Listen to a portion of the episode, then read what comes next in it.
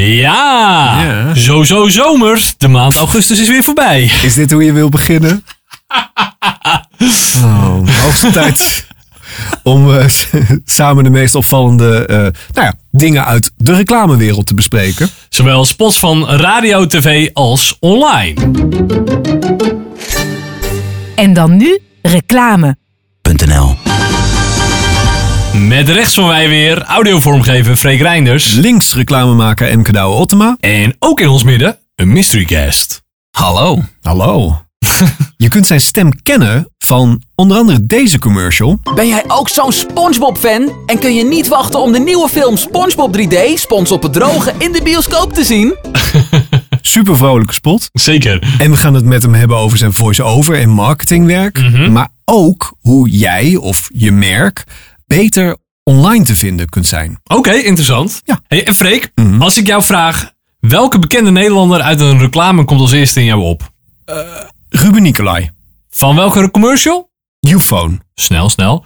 Ja, de vraag is, werkt het nou om bekende Nederlanders in je commercial te hebben, ja of nee? Ja. Zometeen wil ik je daar even meer over vertellen en ook antwoord geven of het nou daadwerkelijk zin heeft om bekende Nederlanders te gebruiken. Ben benieuwd.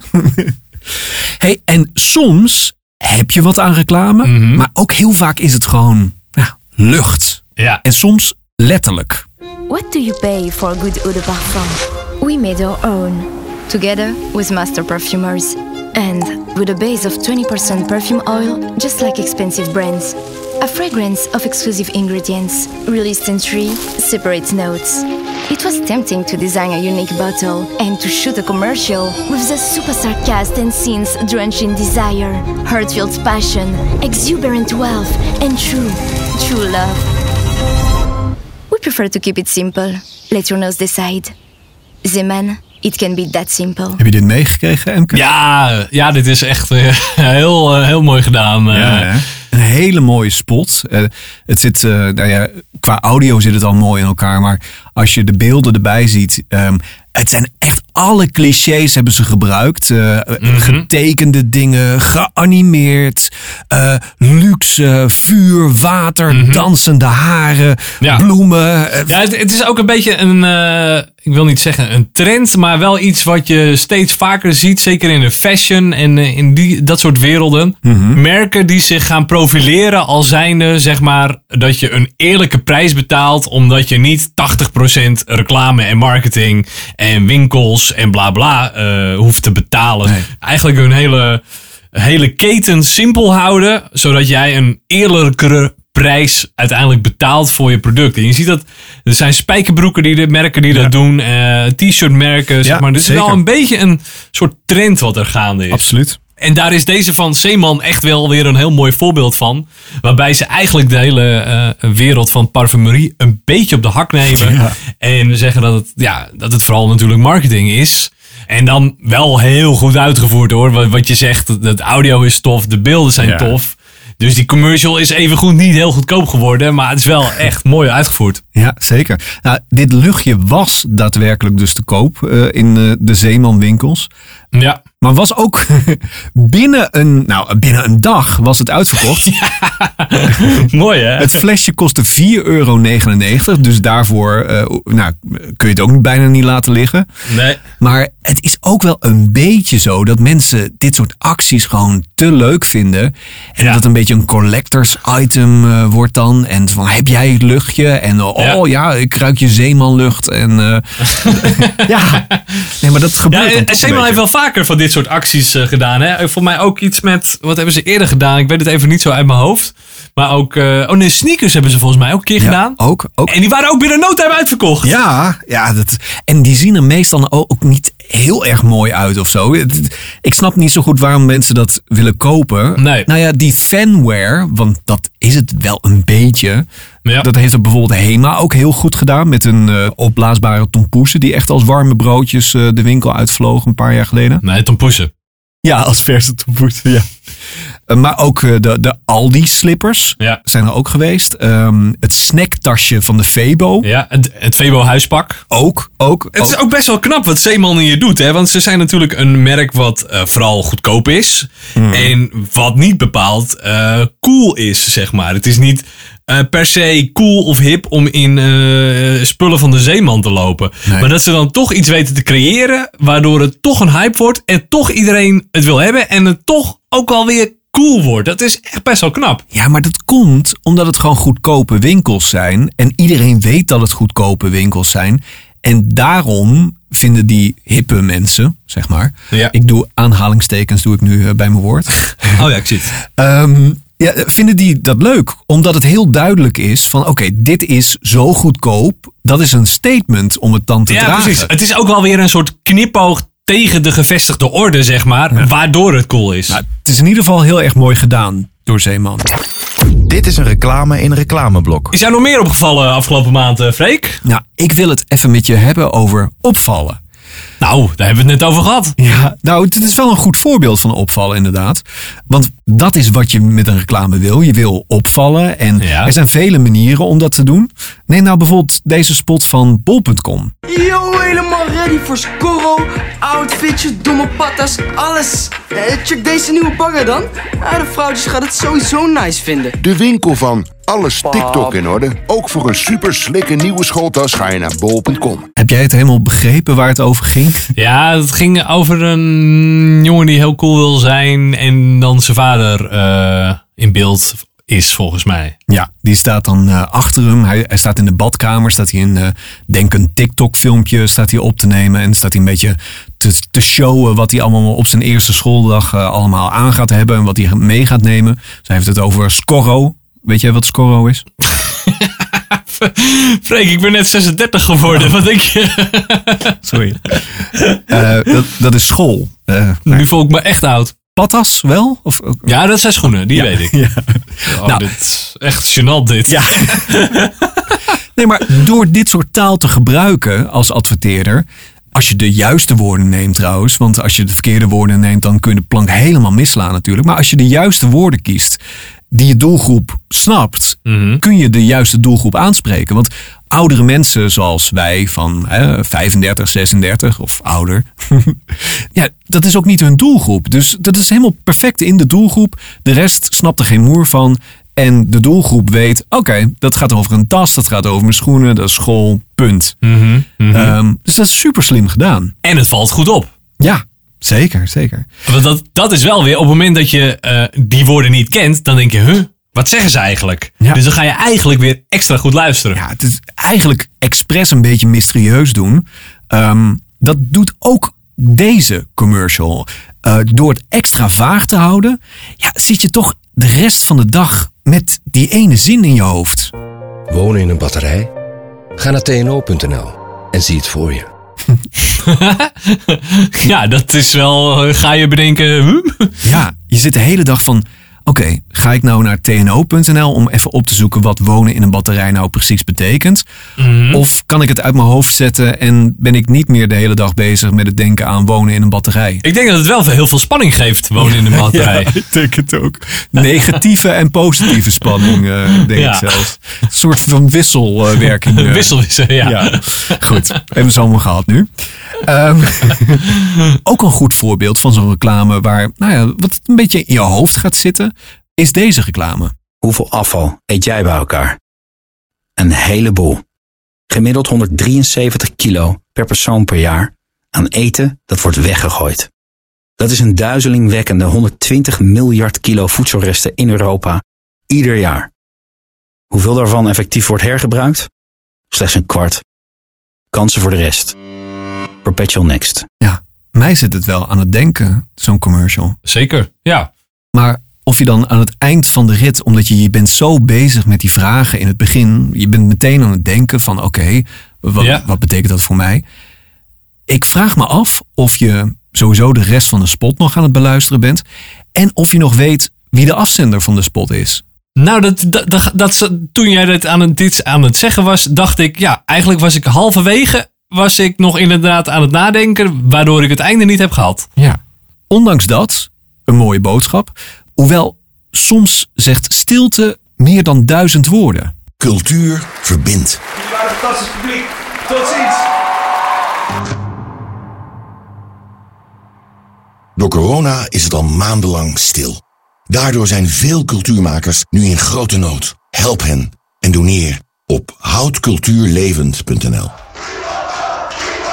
Door stilte te gebruiken kun je soms eigenlijk je boodschap veel beter neerzetten. En zijn mensen ook even van. Huh? Ja, het zou eigenlijk veel effectiever zijn om af en toe even een stukje geen tekst te hebben. Ja. En een goede stilte te laten vallen. Ja. ja, nou, deze werkte wel hoor. ja, ja. Nou, deze Bruna-spot werkt ook met stilte. Mijn weekend? Eerst duik ik in de wereld van actrice Sophie Turner. En voordat ik ga shoppen, neem ik met Nienke Plas haar meest memorabele zomeravond door. Gewoon allemaal vanaf mijn balkon hoor. Stories can take you anywhere. Nou, daar zat de stilte dan om de grap uit te leggen, die niet perfect is, maar, uh, maar het wordt wel gebruikt om even de luisteraar de mogelijkheid te geven van oké, wat is er net allemaal gezegd? Ja, even processen. Nou, wat je nog meer in deze spot hoort zijn namen. Sophie Turner en Nienke Plas. Mhm. We hebben het er al wel eens eerder over gehad. Mag je zomaar iemand zijn naam gebruiken in een commercial? We hadden het daar een keer over gehad uh, met de Ja. spot van Sieren, waarin werd gezegd: Mark Rutte die vakkenvullers een hart onder de riem steekt. Dat is lief. Dank je wel. Namens ons allemaal. Sieren.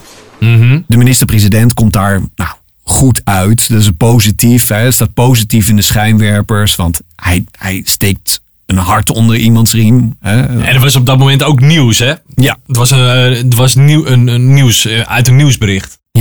Maar stel nou dat je dus bekende Nederlander bent en ze gebruiken jouw naam in een reclame, een reclameboodschap, Mhm. maar dan op een voor jou negatieve manier.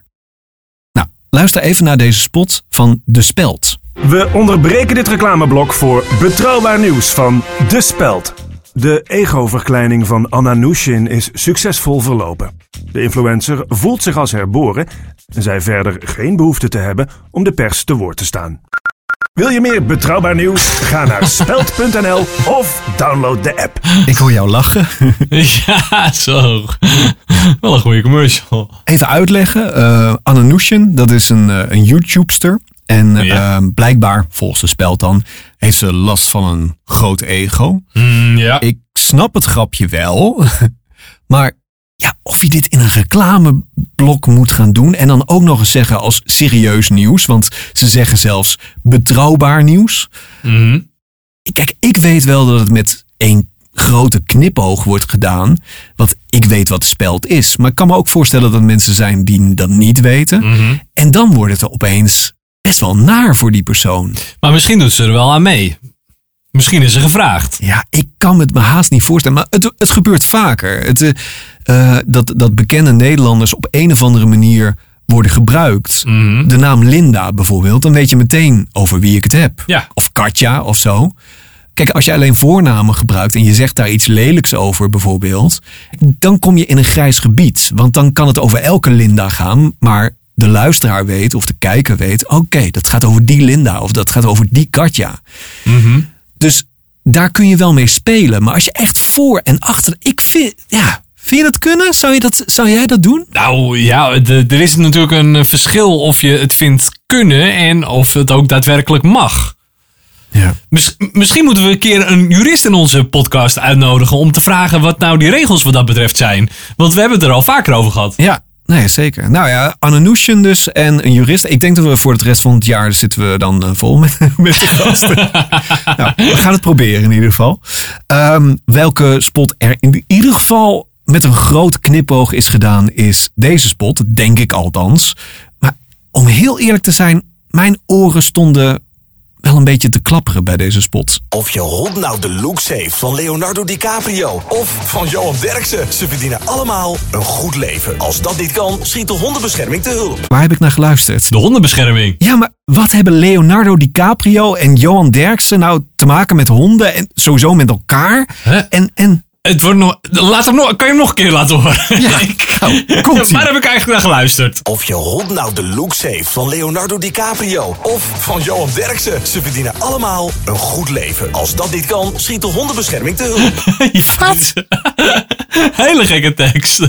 Heel raar toch? Heb je de hondjes die dan op Leonardo DiCaprio lijken? Ik denk het ja. Ik, ik weet het niet. Misschien heb ik iets gemist. Dat dat eh, op eh, Instagram een heel groot ding was of zo. Dat weet ik niet. Ik ken ook heel, heel veel veel honden die, daar op, die op beide niet lijken. Ik weet het dus niet. Ik heb geen idee. En het probleem van zo'n boodschap is, als je het dus niet begrijpt, je blijft dus in het begin ergens hangen. Jij had die twee namen niet eens gehoord. dus hoe goed is je boodschap als je hem zo moeilijk maakt? Er zit een bekende Nederlander in, een acteur, eh, honden, eh, die worden iets aangedaan, eh, hondenbescherming. Hé, wat? En dat is dan vijf seconden. Ja, ja, ja, ja. Precies. En dan is het ook nog wel voor een serieus onderwerp. Ja, ook nog. Ja. Werkt zo'n grap dan in combinatie met een serieus onderwerp? Dat is wel lastig natuurlijk. Ja, en deze commercial gaat ook over een hond. Ehm, maar die begrijp ik ook niet helemaal. En dat komt eigenlijk omdat ik de tv-spot niet heb gezien. Deze radiospot gaat namelijk door waar de tv-spot is geëindigd. Maar als je die dus nooit hebt gehoord, ja, dan wordt het heel moeilijk. Luister mee. Dokter, het komt toch wel goed met Max? Ja hoor, daar hebben we wel een pilletje voor. Maar u moet hem geen kaas meer geven. Ja, dat heeft de kat gedaan. Omdat je nooit weet wat je huisdier kan overkomen, is er de huisdierenverzekering van ORA. Eenvoudig aan te vullen met gedragstherapie voor je kat. Heb jij de tv-spot gezien? Eh, nee, volgens mij niet. Weet jij waar dit over gaat? Die hond heeft iets gegeten wat hij niet mag. Ja, kaas. En dat heeft de kat gegeven. Het is nu net alsof wij een soort aflevering van Tom en Jerry aan het uitleggen zijn. Ja. nou ja, dat wist ik dus ook niet. Ik heb dat ook even moeten googelen. Eh, honden moet je dus blijkbaar geen kaas geven. Nee, natuurlijk niet. Dan gaan ze eh, scheetjes laten. En, en... nou, niet alleen scheetjes hoor. Dan kan je dit wel wel pakken.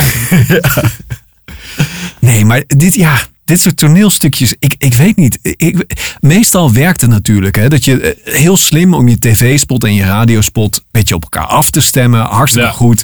Doe print er ook nog bij dat het allemaal klopt met elkaar en dan kun je er niet omheen. Nee. Maar als je één van de twee dus niet Mhm. hebt gehoord en dat je eigenlijk niet helemaal begrijpt waar het over gaat, Ja. dan wordt het wel een beetje moeilijk, denk ik. Ja, toevallig hadden wij afgelopen maand een, eh, opdracht gedaan. waarbij we dus een tv-commercial en een radiocommercial hebben gemaakt. In die tv-commercial zat ook iets van een, eh, een, een grapje, zeg maar. En in eerste instantie wil je hè, dat dat één geheel is, zeg maar. Dat je je tv-commercial hebt en je radiocommercial en je print. en dat dat allemaal hetzelfde thema heeft. Maar ja, we kwamen er wel achter. als we die grap in 20 seconden radio willen gaan uitleggen dat gaat nooit overkomen. Dus dan slaat het nergens op. Dus uiteindelijk hebben we ook gekozen om voor de radio een andere insteek te doen. Omdat het anders veel te ingewikkeld werd voor die 20 seconden, zeg maar. Ja, dat is ook een beetje met dit eh, toneelstukje dan eh, aan de hand. Precies, dus je moet niet altijd proberen om je tv-commercial in een soort één op één vertaling naar je radio te brengen. Want dat komt niet altijd over. Tot slot nog één commercial waar wel een heel mooi toneelstukje eigenlijk in zit. Het is een eh, spotje van eh, Hornbach. En eh, die, die maken gewoon sowieso hele leuke spotjes. Vooral de laatste, nou, laatste maanden zijn ze echt wel Ja. goed bezig. Ze zijn eerder eh, voorbij gekomen in onze podcast. Zeker, zeker. Nou, luister even naar deze. Komt u er gezellig bij, dames en heren? Voor alle 100-plussers die op een eenwieler naar de winkel komen met hun beide ouders, is er alleen vandaag een waanzinnige korting van maar liefst 2,4% op alle losse zandkorrels. Of je kiest gewoon voor de laagste prijsgarantie van Hornbach. Ja. Ja, hebben ze best wel wat tijd ingestoken om eh, dit grapje te maken. En nou, of het helemaal klopt, al- alsof de concurrentie dat soort acties doet, dat weet ik niet. Maar ze zeggen in ieder geval hiermee dat zij niet dat soort acties doen. Dus dat, dat nou, echt wel leuk gedaan. Goede stemacteur ook eh, voor gevonden. En eh, nou, het grapje werkt wel volgens mij. Ja, een leuke, leuke commercial. Wie ook leuke commercials inspreekt, eh, is onze mystery guest. Ja, deze stem weet alles over kinderspeelgoed, de nieuwste games, de dikste festivals, welke sneakers je nodig hebt en wat de lekkerste kaas is. Maar jij kent hem misschien als de stem van onder andere Student Mobiel, Jimdo, Tuk en Bakshop. Mag ik een groot applaus voor Sander Jongerenstem. Tot nu toe heeft wel elke voice-over die ik interviewde wel mee geapplaudisseerd. Oh, maar dan- dan nee, nee, nee, dat zo nee, los nee, op. nee, nee, maar niet. Jawel. Welkom. Dankjewel. Voor iedereen die jouw stem niet kent, hier even een kleine nou, samenvatting van allemaal dingen die je de afgelopen jaren hebt gedaan. Kom naar Apenul. Je favoriete tuk, een lekkere topping en geniet er maar. Twee voertuigen in één. De nieuwe split-second voertuigen van Paw Patrol. Waar anderen al lang zijn bezweken. Stap in de ijskoude wereld van Disney's Frozen. Een website maken voor je bedrijf zonder programmeren? Max Music. We support your stage. Ja, hele toffe spots. Toen ik de eerste keer jouw stem hoorde, dacht ik... Oh, dit is een beetje een, een radio-dj. hè, Een vlotte, snelle, jonge stem. Hoe luister jij zelf naar je eigen stem? Ehm, ja, enthousiast. Het is vaak ook wel wat aangezet. Laten we wel wezen. Ik bedoel, je hoort mij nu ook praten, dan is het toch wel wat anders dan eigenlijk de voorbeelden die je net laat horen. Ja. Ja, inleven in het moment. Eh, veel van die spots ook die je hoort, die hebben toch wel een jonge doelgroep. Dat is niet alleen maar radio of televisie waar je dan via adverteert. Dat kan ook een Spotify reclame zijn of via YouTube. En dan wil je gewoon vol gas door die speakertjes eh, heen. Ja. En is dit wat je klanten vragen van je? Van, oh, doe, doe nog wat overdrevener. Ja, je merkt wel dat de laatste jaren heel veel vraag is naar van die naturelle stemmen. Dat was ook iets wat eh, Anne Fleur in de vorige aflevering ook al eh, zei. Dat lever ik wel altijd aan. Dus wel gewoon lekker zo natuurlijk als wat ik nu doe. Maar dan merk je eigenlijk wel dat op het moment dat ik nog een variant doe die net even wat heftiger is. Dat ze die dan vaak ook nog kiezen. Dat ik gisteren ook nog was voor een frisdrank eh, reclame bezig. En dan ja, dan snap je eigenlijk niet hoe het kan. Dat ze dan toch weer die pakken. Ja, dan willen ze de, de meest enthousiaste eh, eh, versie daarvan. Ja. Nou ja. En een van jouw unique selling points is ook wel een beetje je naam. Je heet Sander Jongerenstem. Is het gebruikelijk eigenlijk om als voice-over een artiestennaam aan te nemen? Nou, laat ik vooropstellen dat ik het gewoon niet om mij vind draaien. Ik eh, zit nu bij jou hier in deze podcast, maar dit is eigenlijk de eerste keer dat ik zoiets doe. Ehm, het is eigenlijk als volgt gegaan dat ik wilde een website gaan maken, ehm, omdat ik, eh, ik had een, een, een, een soort van mediabureau als het ware, een, een beetje reclamebureau. Ik maakte wat websites, wat vormgeving, noem het maar op. En ik ging op den duur facturen moeten sturen naar eigenlijk concurrenten van mij. Dus die bijvoorbeeld ook spotjes maken of ook websites. Dus ik had zoiets van, nou, dat moeten ze allemaal niet te veel weten. Laten we dat scheiden. Laten we dan gewoon een aparte eh, inschrijving bij de Kamer van Koophandel doen. Hoort een, eh, een website bij. En omdat ik zelf al vrij handig was ook in het bouwen van websites. En ook een beetje de marketing eromheen. Dus de zoekmachine optimalisatie en zo. Denk ik van, nou, als ik nou een jonge stem verwerk in die URL. Dan kom ik lekker hoog in Google. En dat is nu ook de afgelopen tien jaar het geval. Als je dus op jonge stem zou googlen, dan sta ik dus bovenaan met jongerenstem.nl. En ja, wat ik zeg, ik, eh, Sander, ja, dat, zo neem ik de telefoon op. Eh, dat is voor de, mijn klant eh, van belang, dat, dat die gewoon met mij in contact kan komen. Maar ja, alles verder wat mij betreft, ja, dat gaat die persoon niks aan. Althans, die, heeft er, ja, die heeft er ook eigenlijk helemaal niks aan. Nou ja, en bij een reclamebureau val je ook meteen op. Want ze weten meteen wie jij bent en wat voor stem jij levert. Ja, maar toch kan dat ook een, een nadeel zijn. Ik kreeg bijvoorbeeld twee jaar geleden van mijn, van mijn opa. Ik kreeg een verjaardagskaartje die zei van... eh, ja, je wordt ook al wat ouder. eh, wordt het al niet bejaardenstem.nl of zo. Nou, overdreven gezegd. Maar kijk, het, beperkt aan de andere kant ook. Maar ik denk, nu ik een vrij jong volwassen stem heb. Ik bedoel, laten we wel wezen, hij is ietsje lager geworden in de afgelopen tien jaar. Ik ben nu net 30 dan. Ehm, dan zie je eigenlijk wel dat ik ook steeds meer gevraagd word voor um, jongvolwassene commercials. Of gewoon op een gemiddelde boodschapperdoelgroep. Dus die is eigenlijk sowieso al wat ouder dan. En eh, vaak klinkt dat dan toch best wel vertrouwd. Ja. Ik weet, in Amerika is er een eh, voice-over. Zij heet Kelly. Ik weet niet eens hoe ze met de achternaam heet. Maar zij heeft zichzelf Kelly, Kelly, Kelly genoemd. Nou ja, Wat prima. Ja. fantastisch werkt. Want je hoeft maar één ding te onthouden. En in Google, als je drie keer een voornaam achter elkaar typt, niemand heeft ergens in, op een site drie keer dezelfde voornaam ergens staan. Nou, Dus- dat is niet helemaal waar. Want mijn Nee? Instagram is Sander, Sander, Sander, Sander. Dus, Nice. Ja, Ja. ik ken heel Kelly niet, maar wel Nou, grappig. Ja. Ja, nou, hetzelfde idee dus. Hey, over makkelijk vinden op internet gesproken. Eh, Je hebt een site en daar heb je een blog op. En schrijf je allemaal over andere voice-overs. Heel slim volgens mij om een blog eh, te maken. Want daardoor ben je ook eh, veel makkelijker te vinden als voice-over. Is dat bewust gedaan? Dat je dacht van oké, ik ga een site bouwen waar nou ja, in de zoekresultaten dat ik gewoon super makkelijk naar voren kom? Ik heb die blog er later aan toegevoegd om content te creëren en ook om relevantie te hebben voor Google. Want het enige wat ik wilde is als je op VoiceOver zou googlen, dat ik op pagina 1 zou komen en het liefst bovenaan. Ja. Nou, dat bovenaan dat is nog niet per se gelukt, omdat daar nog wel een paar eh, stemmenbureaus staan die ook net wat meer aanbod hebben dan ik als enige stem. Ja. Ehm, maar dat ik dus nu op pagina 1 sta, komt wel door die blog. Ja. Ehm, die blog die ehm, zorgt er eigenlijk voor niet zozeer dat mijn klanten eh dus zoeken. Dus niet de reclamebureaus, niet de productiebedrijven enzovoort. Maar het is meer dat er iemand op de bank zit. Die zit een tv-reclame te bekijken. Die ziet eh, een commercial van Promo Fandom of van ABN AMRO of noem het maar op. En die zoekt daarop in combinatie met stemreclame. En eigenlijk bij al die merken, althans ik heb een top 100 gemaakt van allerlei merken die adverteren. Eh, en die heb ik per branche dan ja, gepubliceerd van welke stemmen op dat moment dus de stem waren. Ja. En ja, wat ik zeg, daar eh, heb ik gewoon een paar honderd bezoekers per dag door op mijn website.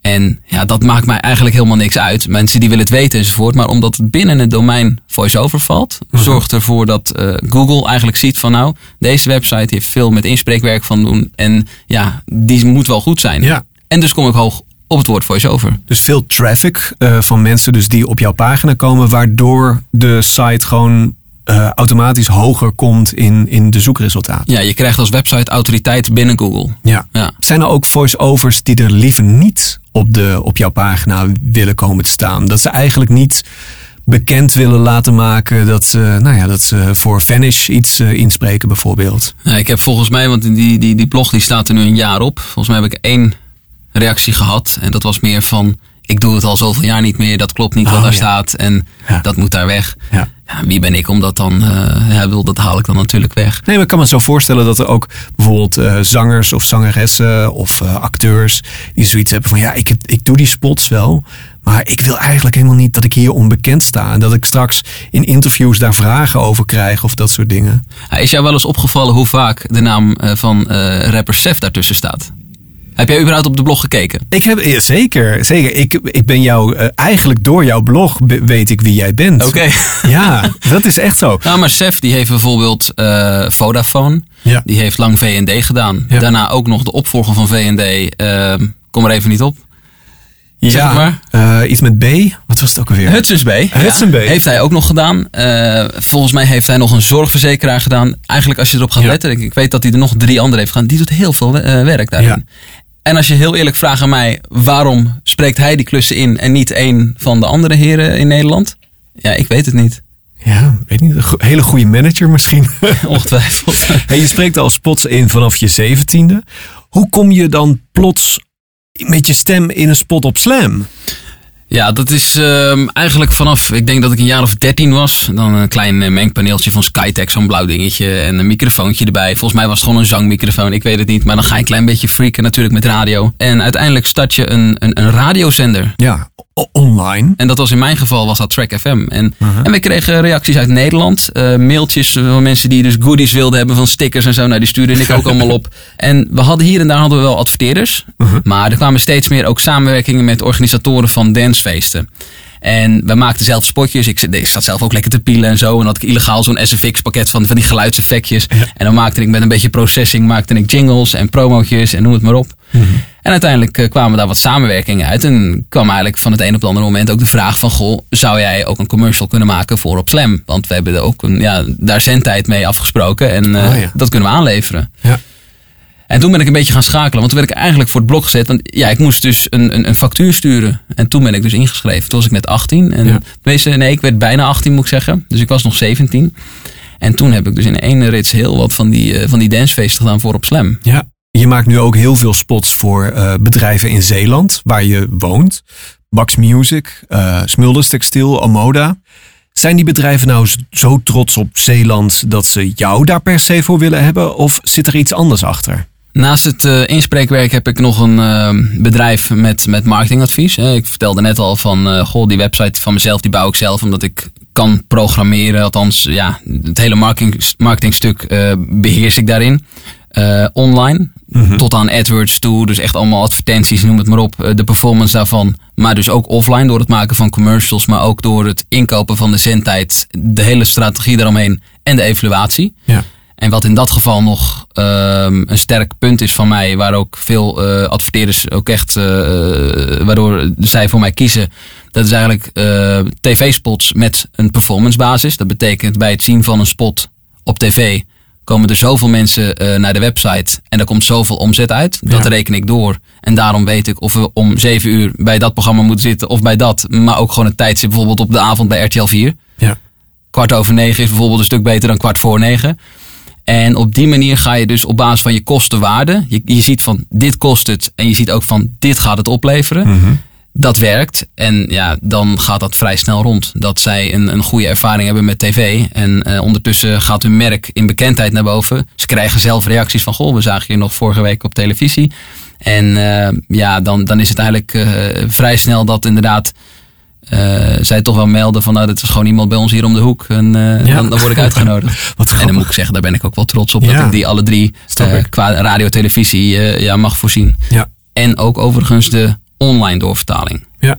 Dus ik geloof er heel erg in dat het niet bij een spotje stopt. Ik ne- zei net al van de performance van welk tijdstip op de avond. Maar ehm, je moet dan bijvoorbeeld ook denken aan eh, iemand zit vervolgens op zijn telefoon op stories. En daar moet ook een touchpoint komen. Dus eigenlijk een, een ja, je je wil iemand aanraken. Zo van, kijk ook nog eventjes eh, bij Smulders Textiel, swipe up. Ja. En vooral die combinatie, dat is wel een, een sterk punt daarin. Slim. Ja. Ik heb recent eh, campagnes gedaan waarbij ik alle spotjes met de hand koppel op basis van de programmering. En dus uiteindelijk ook de doelgroep.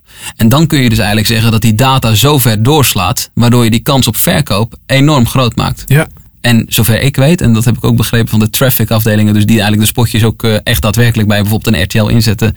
Ja, is dat niet eerder zo extreem gebeurd? Dat je echt met spotversies gaat werken die dan echt eh, bij ieder blok anders zijn. En wat ook trouwens nieuw was in 2020, eh, was dat je met je hoofd te zien was in een commercial. Ja. Daar wil ik het zo meteen over hebben. Ja, over televisie gesproken, Freek. Ik wil het even met jou hebben over bekende Nederlanders. Die ken ik. ja. ja, wat regelmatig zien of horen we bekende mensen in eh, reclames voorbij komen. Maar de vraag is natuurlijk, verkoop je daar nou, hoor, nou juist meer? Of werkt dit misschien zelfs wel averechts? Ja. Welke bekende commercials met bekende Nederlanders ken je?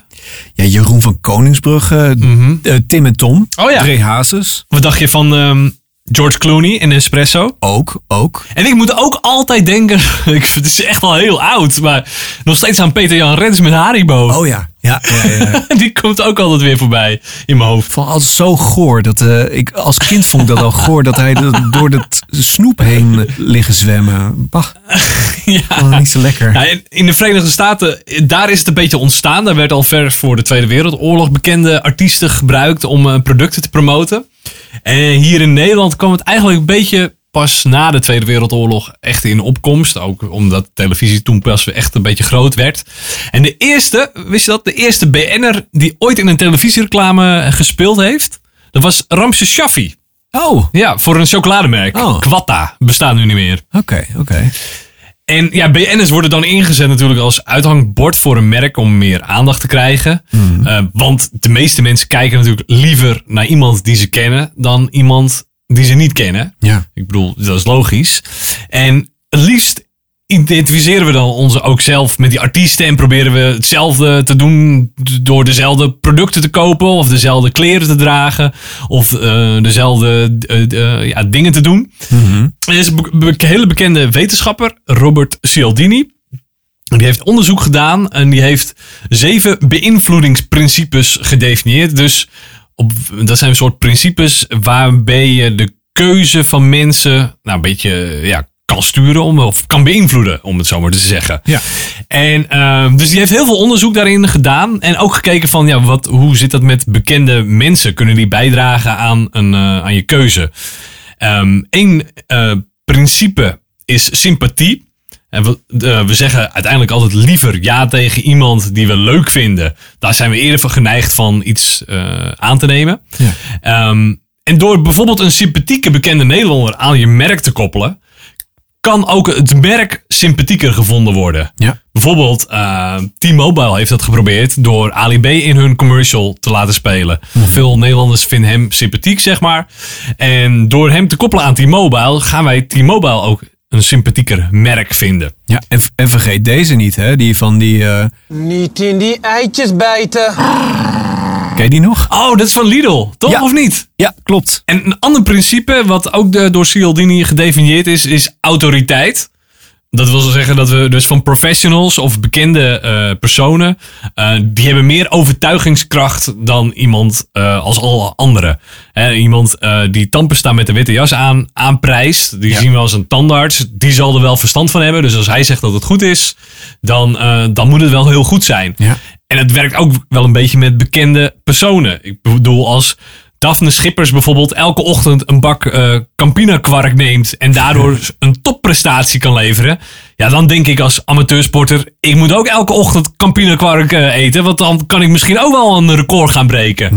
Dus eh, zo kan een zo'n per- bekend persoon ook bijdragen aan het idee over jouw merk of product. Dus vanuit deze twee principes zou je denken, doen bekende mensen in je commercial, dat werkt. Ja, zoals Maurice de Hond zegt. Ik zeg, doen. Precies. Ja. Maar toch, er- het is geen garantie voor succes. Want het moet geloofwaardig zijn. Als jij ziet, zeg maar, dat, ehm, nou noem een ehm, bekende autocoureur bij wijze van spreken. Max Verstappen. Max Verstappen, precies. Bekend genoeg? nou, die is wel redelijk bekend ook. Oh. Als Max Verstappen opeens een commercial gaat maken voor Citroën bijvoorbeeld, Mhm. dan denken wij, ja, maar Max Verstappen rijdt echt niet in een Citroën. Dus dan is het niet geloofwaardig. En dan kan het juist averechts werken. Ja. maar als hij in de Jumbo-reclame zit. Maar dan is het weer grappig. Dan is het niet het autoriteitsgevoel, zeg Nee, maar. Dus dan, dan kan het op dat vlak dan kan het werken in sympathie, zeg maar. Ja, En Maar daarbij is weer het risico. Hè, als je een, een sympathieke eh, bekende Nederlander wil gebruiken om aan jouw merk of product te koppelen. Hmm. Dan moet je wel iemand kiezen die jouw doelgroep dus ook sympathiek vindt. En op dat vlak is nog niet zo heel veel onderzoek gedaan. Er is wel één onderzoek eh, in Nederland gedaan door een mediabureau. En daaruit bleek dat slechts 10% van de Nederlanders meer vertrouwen krijgt in een merk als er reclame wordt gemaakt door een BN'er. Dat valt best tegen, toch? Uit het onderzoek bleek onder andere dat eh, nadat zangeres Anouk een campagne had gedaan voor ING, bleek liefst 75% niet te geloven dat zij zelf een rekening had bij die bank. nou is er ook de vraag hè, van, ja, klopt die match tussen ING en Anouk wel, zeg maar? Is dat wel geloofwaardig? Ja, ik, ik denk niet meteen bij Anouk aan geld of zo. Nee, precies. En Anouk is ook niet een autoriteit op het gebied van geld. Dus het is ook niet zo als Anouk daar een rekening en dan heb ik meer vertrouwen daarin.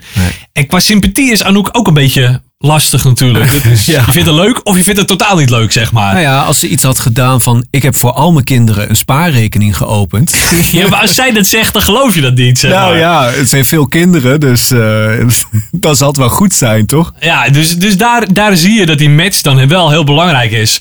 Dus het gebruik van bekende Nederlanders of bekende mensen in je commercial kan heel goed werken. Maar je moet wel heel goed nadenken van past deze persoon bij mijn merk of bij mijn product. Ja. En daarnaast, bekende Nederlanders of bekende mensen zijn ook niet goedkoop. Dus dan moet je ook weer kijken van ja, is dat het waard? Ehm, dus er zijn genoeg dingen om over na te denken voordat je aan de slag gaat met een commercial met bekende Nederlanders. Welke bekende Nederlander zou jij inzetten? Oeh, ja, dat is natuurlijk heel erg afhankelijk van het merk of het product wat je wil, eh, wil gaan. eh, Maar voor een automerk bijvoorbeeld. Want dat is wel een van de dingen. Je hebt altijd kritiek op auto-commercials. ja, voor een automerk zou ik gewoon geen bekende. Nee? nou, jawel, jawel, tuurlijk. Maar dat, dat dan, kijk, dat moet passen bij het merk. Maar over auto's gesproken. Ja. Ik heb, zometeen, ik heb zometeen nog iets leuks voor je. Ik heb namelijk een autocommercial gevonden met humor erin. Oh jee, nou, dit, eh, dit belooft wat. Nee, nee, maar ik weet dat jij altijd een beetje verdrietig wordt van, van nou ja, autoreclames. Ja. En nou hebben ze een keer iets anders gedaan. Dus ik hoop wel dat je er een beetje blij van, van wordt. Nou, Oké, oké, oké. Ik ben benieuwd. Hoor je zo meteen. Gewoon blijven luisteren, dan hoor je het zo. Nou ja, en als jij dan thuis ondertussen even abonneert op deze podcast, dan maak je Freek weer blij. Zeker. Bij ons aan tafel ook nog steeds eh Sander Jongere stem. Hoe lang heb je erover nagedacht om met je hoofd in een tv-reclame te komen? Ja, dat was echt niet de bedoeling. Als in, dat, dat heb ik eigenlijk nooit gewild. Ik vind het juist heel erg fijn dat ik als voice-over heel erg anoniem ben. Ja, maar je zit wel in de Smulders Textiel commercial. Ja. Ja, dat is eh, een beetje uit de hand gelopen grapje geweest. Nee, ik heb ehm, een, een beetje een probleem gehad. Kijk, ik doe eigenlijk alle marketing bij Smulders Textiel, on- en offline. Wij hebben overigens daar sinds 2017 Anne Fleur als stem voor. Klinkhamer, Anne Fleur Klinkhamer. Ja, van de vorige aflevering. En zij eh, is vanaf 2017 de stem. een hele mooie vrouwenstem waar je als vrouw, als je daar naar luistert, dan het ook echt aanneemt. Mhm. Want vrouwen kopen beddengoed, dus hè, die moet je echt hebben als zijn de doelgroep. Ik heb daar wel zelf ook een mening over hoor, over mijn beddengoed hoor. Maar dat, de meeste eh, mannen die zeggen van s'nachts heb ik mijn ogen dicht, dus eh, waar slaap jij onder dan? Onder een dekbed. Maar wat voor een? Nou, niet van Smulders Textiel. Nee, jammer. Nee, sorry. We hadden in, eh, ja, eigenlijk een probleem in de maand mei. Toen hadden we natuurlijk ook te maken met, met lockdowns en zo. En de verkoop ging eigenlijk heel goed. Mhm. Corona zorgde ervoor dat heel die markt helemaal anders lag. Wij zijn een online winkel. Maar juist ook die fysieke beddenzaken, die, ja, die hadden gewoon minder verkoop. Want, eh, die, die, die hadden bijna geen mensen over de vloer. Dus onze verkoop ging in een veelvoud eh, ja, groeien. Ehm, en wij hadden eigenlijk geen extra aanwas vanuit een actie nodig. Dus wij hoefden niet eh, een tweede dekbed over voor de halve prijs te doen. Dus die actie die heb ik geschrapt. Dat is natuurlijk ook weer beter voor de marge, want hè, dan hou je net wat meer over. Ja. Over wat je überhaupt nog verkoopt op dat moment. Dat is wel een eerlijk antwoord dit, hè? Ja, Ja, ja, zeker. En toen heb ik eigenlijk gezegd van nou wat we ook kunnen doen, is dat we gewoon een algemene campagne doen. Dus ik heb Anna Fleur gewoon een spotje laten eh, inspreken van eh, de grootste beddengoedcollectie van Nederland. Ja. 15 seconden plus 5 seconden tag-on. Ehm, en toen had ik nog een spot gemaakt van 30 seconden. Waarbij ik zelf gewoon voor een camera ging staan in een, een witte studio. En die hebben we dan helemaal met, met, met nabewerking helemaal eh, ja, bewerkt, zeg maar. Ja. En dan heb ik gewoon uitgelegd in die 30 seconden hoe jij een dekbedovertrek moet uitkiezen. Gewoon vertellen wat je eigenlijk moet doen. Nou, laten we even gaan luisteren naar eh, een stukje uit die tv-spot. Selecteer om te beginnen de maat van je dekbed. Kies je favoriete woonstijl, bijvoorbeeld landelijk. Tot slot, kies je lievelingskleur. Ideaal toch? Ide ja, super makkelijk. Zeker. En wij hebben die uitgezonden. Uit mijn hoofd was dat 11 mei of zo. Een beetje, beetje rond die periode. En op dezelfde avond hadden we die spot met Anne Fleur en die spot met mij. Ja. Maar de, het effect van die spot met mij erin, dat gaat niet om mij, maar in ieder geval het concept, Ja, ja. die deed drie keer beter dan eigenlijk regulier. Dus wat we toen hebben gedaan is van dat spotje met dan die keuzehulp erin, die zou eigenlijk alleen overdag bijvoorbeeld bij RTL 4 worden uitgezonden. Die hebben we overal eh, gewoon dus uitgezonden. Dus SBS, eh, RTL, NPO. Ja. Eh, en heel die campagne met Anne Fleur is teruggetrokken. Oké. En zodoende zagen wij dus een enorme uplift in traffic. Uiteraard ook in verkoop. Ja. En ja, dat zorgde ervoor dat dat wel heel ongemakkelijk werd op den duur. Ik wist niet wat mij zou overkomen daarin. Nee, want ben je herkend daarna? Of, ja? Maar buiten Zeeland ook? Of, Ja, natuurlijk. ja. Ja, het, rare is, die campagne die hebben uiteindelijk ook nog eh, een, een tweede flight gegeven in de maand juli. Ja. Dus dat is vorige maand, eh, twee maanden geleden inmiddels. Ehm, en uiteindelijk heeft dat, eh, mag niet liegen, 80% van Nederland gemiddeld 11 keer bereikt. Ja. En dan in hele marketingtermen is dat iets van eh 800, 900 GRP. Dus dat gaat echt om een ja, heel groot aantal. Ja. Ehm, dus ja, dat doet wel wat. Maar vooral voor het merk Smulders Textiel. Want het zorgt voor vertrouwen. Dat zagen we terug in de marktonderzoeken. Eh, mensen die herkenden het product eerder. Eh, al- allemaal dat soort dingen. Die zorgt echt voor een flinke uplift. En ik heb dan een structureel marktonderzoek wat ik doe. Naar Smulders Textiel en naar de concurrentie. Op basis van onze kernwaarden. Dus wat vinden wij belangrijk en hoe bekend zijn we. Ja. Maar de spot is ook onder een panel nog getest achteraf. Ja. En ja, dan ga je wel even met de billen bloot. Maar gelukkig was het positief. Wat volgens mij ook wel positief was, was toen Gerard Ekdom een imitatie van jou deed. Bootschoenen, vlinderdasjes, Lacoste shirtjes, polo's, jachten, golfkarretjes, gaatjes, schoenen, oldtimers, caviar. U hoort het. Bij kakshop.nl heb je echt alles voor de kakker, de bal en de rijke stinkert. Kak-shop.nl Ja, dit was eh, Gerard Ekdom eh, op 3FM in 2013. Eh, het was natuurlijk niet echt een imitatie van jou, maar meer gewoon het bakshop eh, gevoel, maar dan als kakshop eh, neerzetten. Hoeveel berichtjes heb je na dit moment gehad? Nou, dat waren er niet zoveel als toen bij televisie. Dan ging het echt over honderden. Ja. Uit mijn om- omgeving dan natuurlijk. Maar ehm, ja, toen ontplofte mijn telefoon ook wel. Zeker die allereerste keer. Dat was volgens mij gewoon tijdens een lunchprogramma een keer door de week. Mhm. Ja, ehm, je- gaat denken van, van moet ik hier nou blij mee zijn of niet? Maar achteraf is natuurlijk een groot compliment. Ja, want ik denk dat Bakshop hier heel blij mee was, toch? Omdat er wordt ook een stempel opgegeven van oké, iedereen kent dit op dit moment. Ja. Toch? Ja, want die commercial, dat was inderdaad bak-shop.nl. Ja. Zo, dat was echt nog schreeuwerig. En ook inderdaad dezelfde opbouw als diezelfde spot dus. De eerste reactie van het merk, eh, dat weet ik nog wel, want het is echt alweer zeven jaar geleden, was van, ja, wat moeten we hiermee? Zijn we hier nou blij mee? Of gaat dit helemaal uit de hand lopen en gaat iedereen ons kakshop noemen? Ja. Dat kun je ook nog hebben natuurlijk. Ja, dat, het, dat, dat het zo groot wordt. Dus, maar uiteindelijk, ja, er zaten zeker op de marketingafdeling toen bij Bax ook best wel veel eh 3FM-fans. Hebben toen ook met Serious Request en zo best wel veel acties zo gedaan. En die vonden het super gaaf uiteindelijk. Dus Ja. dat, eh, ja. Ja, grappig. Verander je iets aan je stem om een andere doelgroep aan te spreken? Ja, dan ga je lager in energie. Een, eh, een eh, kindercommercial als Paw Patrol, ja, dan sta je helemaal te gillen en ik krijg vaak ook berichtjes van vrienden die dan kinderen hebben. Goh, doe nou eens wat rustiger dit en dat. Maar die kinderen vinden het fantastisch. Ja. Zijn er onderzoeken naar gedaan dat, dat kinderen het leuker vinden om nou, een beetje hysterische stemmen te horen dan? Nou, dat weet ik niet. Je, je ziet ook veel cartoonstemmetjes in dat soort spotjes. Je ziet natuurlijk ook voor de meisjesproducten ook eh damesstemmen. Ja. Maar wat je ook veel hoort, en dat heb ik nooit echt begrepen, dat zijn eh, oudere stemmen. Dan heb ik het over mannenstemmen, zeg maar. Hè? Dus Mhm. alsof het een vader is die wat vertelt. Ja. Dat begrijp ik nooit helemaal. Want normaal luisteren ze eigenlijk niet naar hun ouders. Dus waarom zouden ze dan in een reclameblok wel wat aannemen? Ja. Maar het lijkt wel of het stemmenbestand van reclames zo ontzettend is opgefrist. Dat bijna al die wat oudere stemmen allemaal weg zijn gegaan. Ja, maar die werden ook heel vaak geboekt door van die grote studio's in Amsterdam. Mhm. En je ziet toch wel echt een verandering. Ik zelf ehm, heb een tijd gehad dat ik vaak ook eh, vanuit Zeeland, dan waar ik dus woon, eh, naar eh, Amsterdam of Hilversum of Brussel moest rijden. Maar dat is nu echt zoveel minder. En nu ook in de coronatijd was, waren zelfs de studio's die normaal mij echt gewoon daar naartoe stuurden. Die dan zelfs via een session link, dus gewoon op hoge kwaliteit via internet, eigenlijk mij thuis gewoon lieten inspreken. Ja. Dus veel thuisopname.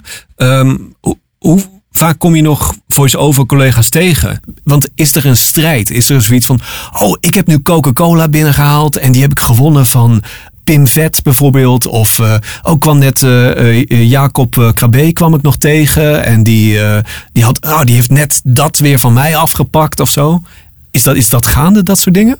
Nee, ik denk, ja, ja weet je, tuurlijk, je, je, wil, je wil een spot inspreken. Dus iedereen die zal zoiets hebben van, hey, shit, het is Ja. niet gelukt. Ja. En dat zijn toevallig ook twee stemmen waar ik, eh, die ik allebei toevallig ook wel face-to-face in studio's heb eh, ontmoet ook. Ja. Ook omdat we dan samen eh, een, een opdracht hebben. Ehm, en ik weet ook, zeker ook van Jacob, dat wij heel vaak tegelijkertijd worden voorgesteld bij klanten. En dan is de ene keer zo dat hij hem weer, dan de andere keer ik. Ja.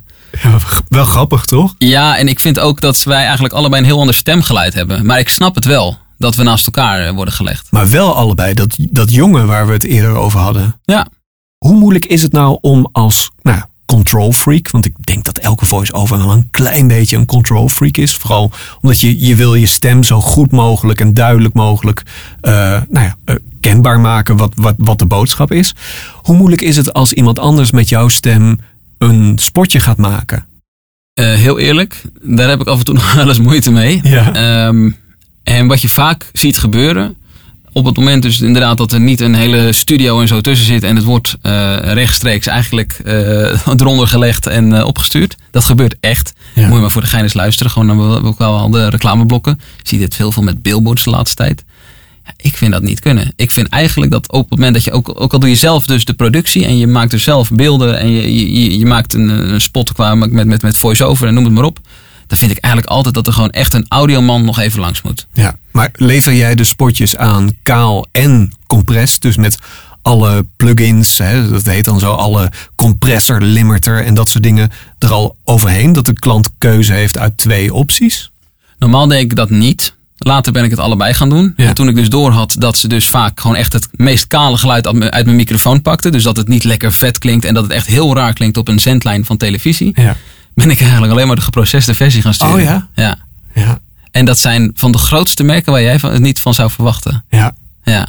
En misschien ook omdat ze het gewend zijn van andere voice-overs, dat het, dat het, dat het nou, ja, af wordt aangeleverd. Nou, mijn idee is dat dat niet het geval is. Nee. Dat het merendeel van de Nederlandse stemmen juist technisch ehm, juist net wat minder eh, know-how hebben. Mhm. Met alle respect. Hè? Ik bedoel, Ja. die, die leunen dan bijvoorbeeld op een bekende die dan bijvoorbeeld hun studio eh, kan installeren, omdat ze dat zelf niet weten. Dat ze dan inderdaad de software ook klaarzetten. Misschien nog even wat, wat instellingen erbij zetten. Maar ik denk niet dat die ermee bezig zijn op die manier. Nee. Veel stemmen. Want laten we wel wezen, ik denk dat er nu toch wel een paar honderd stemmen zijn in Nederland. Doe, doe je nog iets om je, nou ja, om je stem jong te houden? Eh, Bijvoorbeeld eh, nou ja, whisky drinken, roken, werkt daar niet echt bij? Zijn, dat dingen die je laat? Of denk je, nou ja, weet je, als mijn stem verandert de komende jaren, maakt me ook helemaal niks uit? Nou, roken heb ik nooit gedaan. Vind ik ook niet lekker. Maar ja, een whiskytje vind ik op zich wel lekker. Maar ja, je, je moet gewoon niet te veel echt gaan schreeuwen. Joey zei dat ook een paar afleveringen terug. Van ik ga niet snel naar een discotheek om daar helemaal de long uit mijn, ja, uit mijn lijf te schreeuwen. Nee. dat zou ik ook niet snel doen. Je moet wel een klein beetje verantwoord ermee bezig zijn. Ik moet bijna iedere dag inspreken. En dan wil je wel gewoon een goed geluid hebben. En als ik moet inspreken, dan drink ik liever ook geen koffie van tevoren. Dan heb je toch een beetje dat, dat, dat smekje. Hè? Dat, en dat, nou, dat vind ik gewoon niet netjes. Als ik dat überhaupt zou hebben, dan loop ik even naar de badkamer om even mijn tanden te poetsen. Hoe heet Sander Jongere stem over 20 jaar? Nee, ik vind eigenlijk dit wel een prima stem. Ja, dat is een prima naam. Kijk, het gaat niet om die naam. Het gaat erom uh, wat zoekt een klant. En als je dat geluid uh, duidelijk maakt bij, uh, bij je klanten en je potentiële klanten, Mhm. dan vinden ze je vanzelf. Ik heb uh, me wel afgevraagd wat voor consequenties het gaat hebben op het moment dat uh, Zeppelin, dus NPO 3, de kindertelevisie, uh, geen reclame meer vanaf volgend jaar zal gaan uitzenden. Want Ja. dat is op dit moment wel de belangrijkste zender voor kindercommercials. Ja. Disney doet het ook al heel slecht al een hele lange tijd. Nickelodeon is dan nog net ietsje groter. Die zit eigenlijk tussen die twee in. En YouTube mag zich niet meer richten, volgens mij, op kinderen. Nee, nee dus, dus online kun je eigenlijk geen advertenties afspelen voor kinderen. Dus ik heb daar ook al uh, uit mijn rol als zijnde zeg maar inkoper ook van reclamezender dus met, met de sterren over gehad. Van joh, wat verwachten jullie nou dat gaat gebeuren? En ja. ja. ze hebben wel eigenlijk laten weten van het zal, zou kunnen dat er dan net wat meer kinderreclames worden gericht op ouders. Dus dat je het gewoon in de avonturen in de, de reclameblokken gaat zien.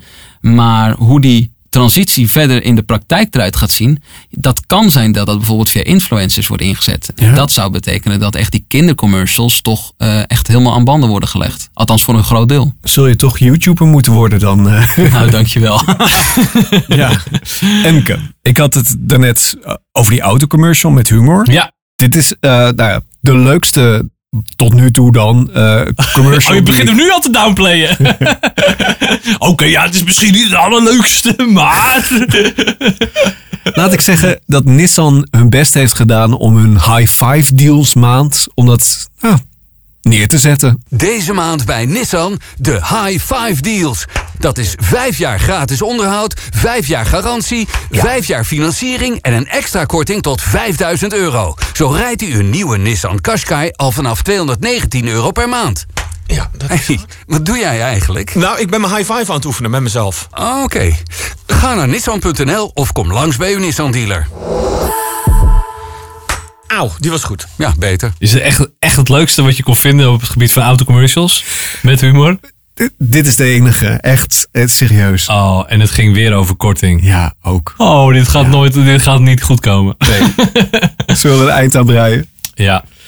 Hey, als je zelf nog een uh, leuke commercial uh, hebt gehoord, um, geef hem uh, gerust even door. Ja, je kan het laten weten via Facebook en dan nu reclame. En wie weet hoort dan iedereen hem volgende maand gewoon terug in deze podcast. Nou, dat lijkt me wel leuk. Ja, toch? Mij ook. Hey, tot volgende maand. Tot volgende maand.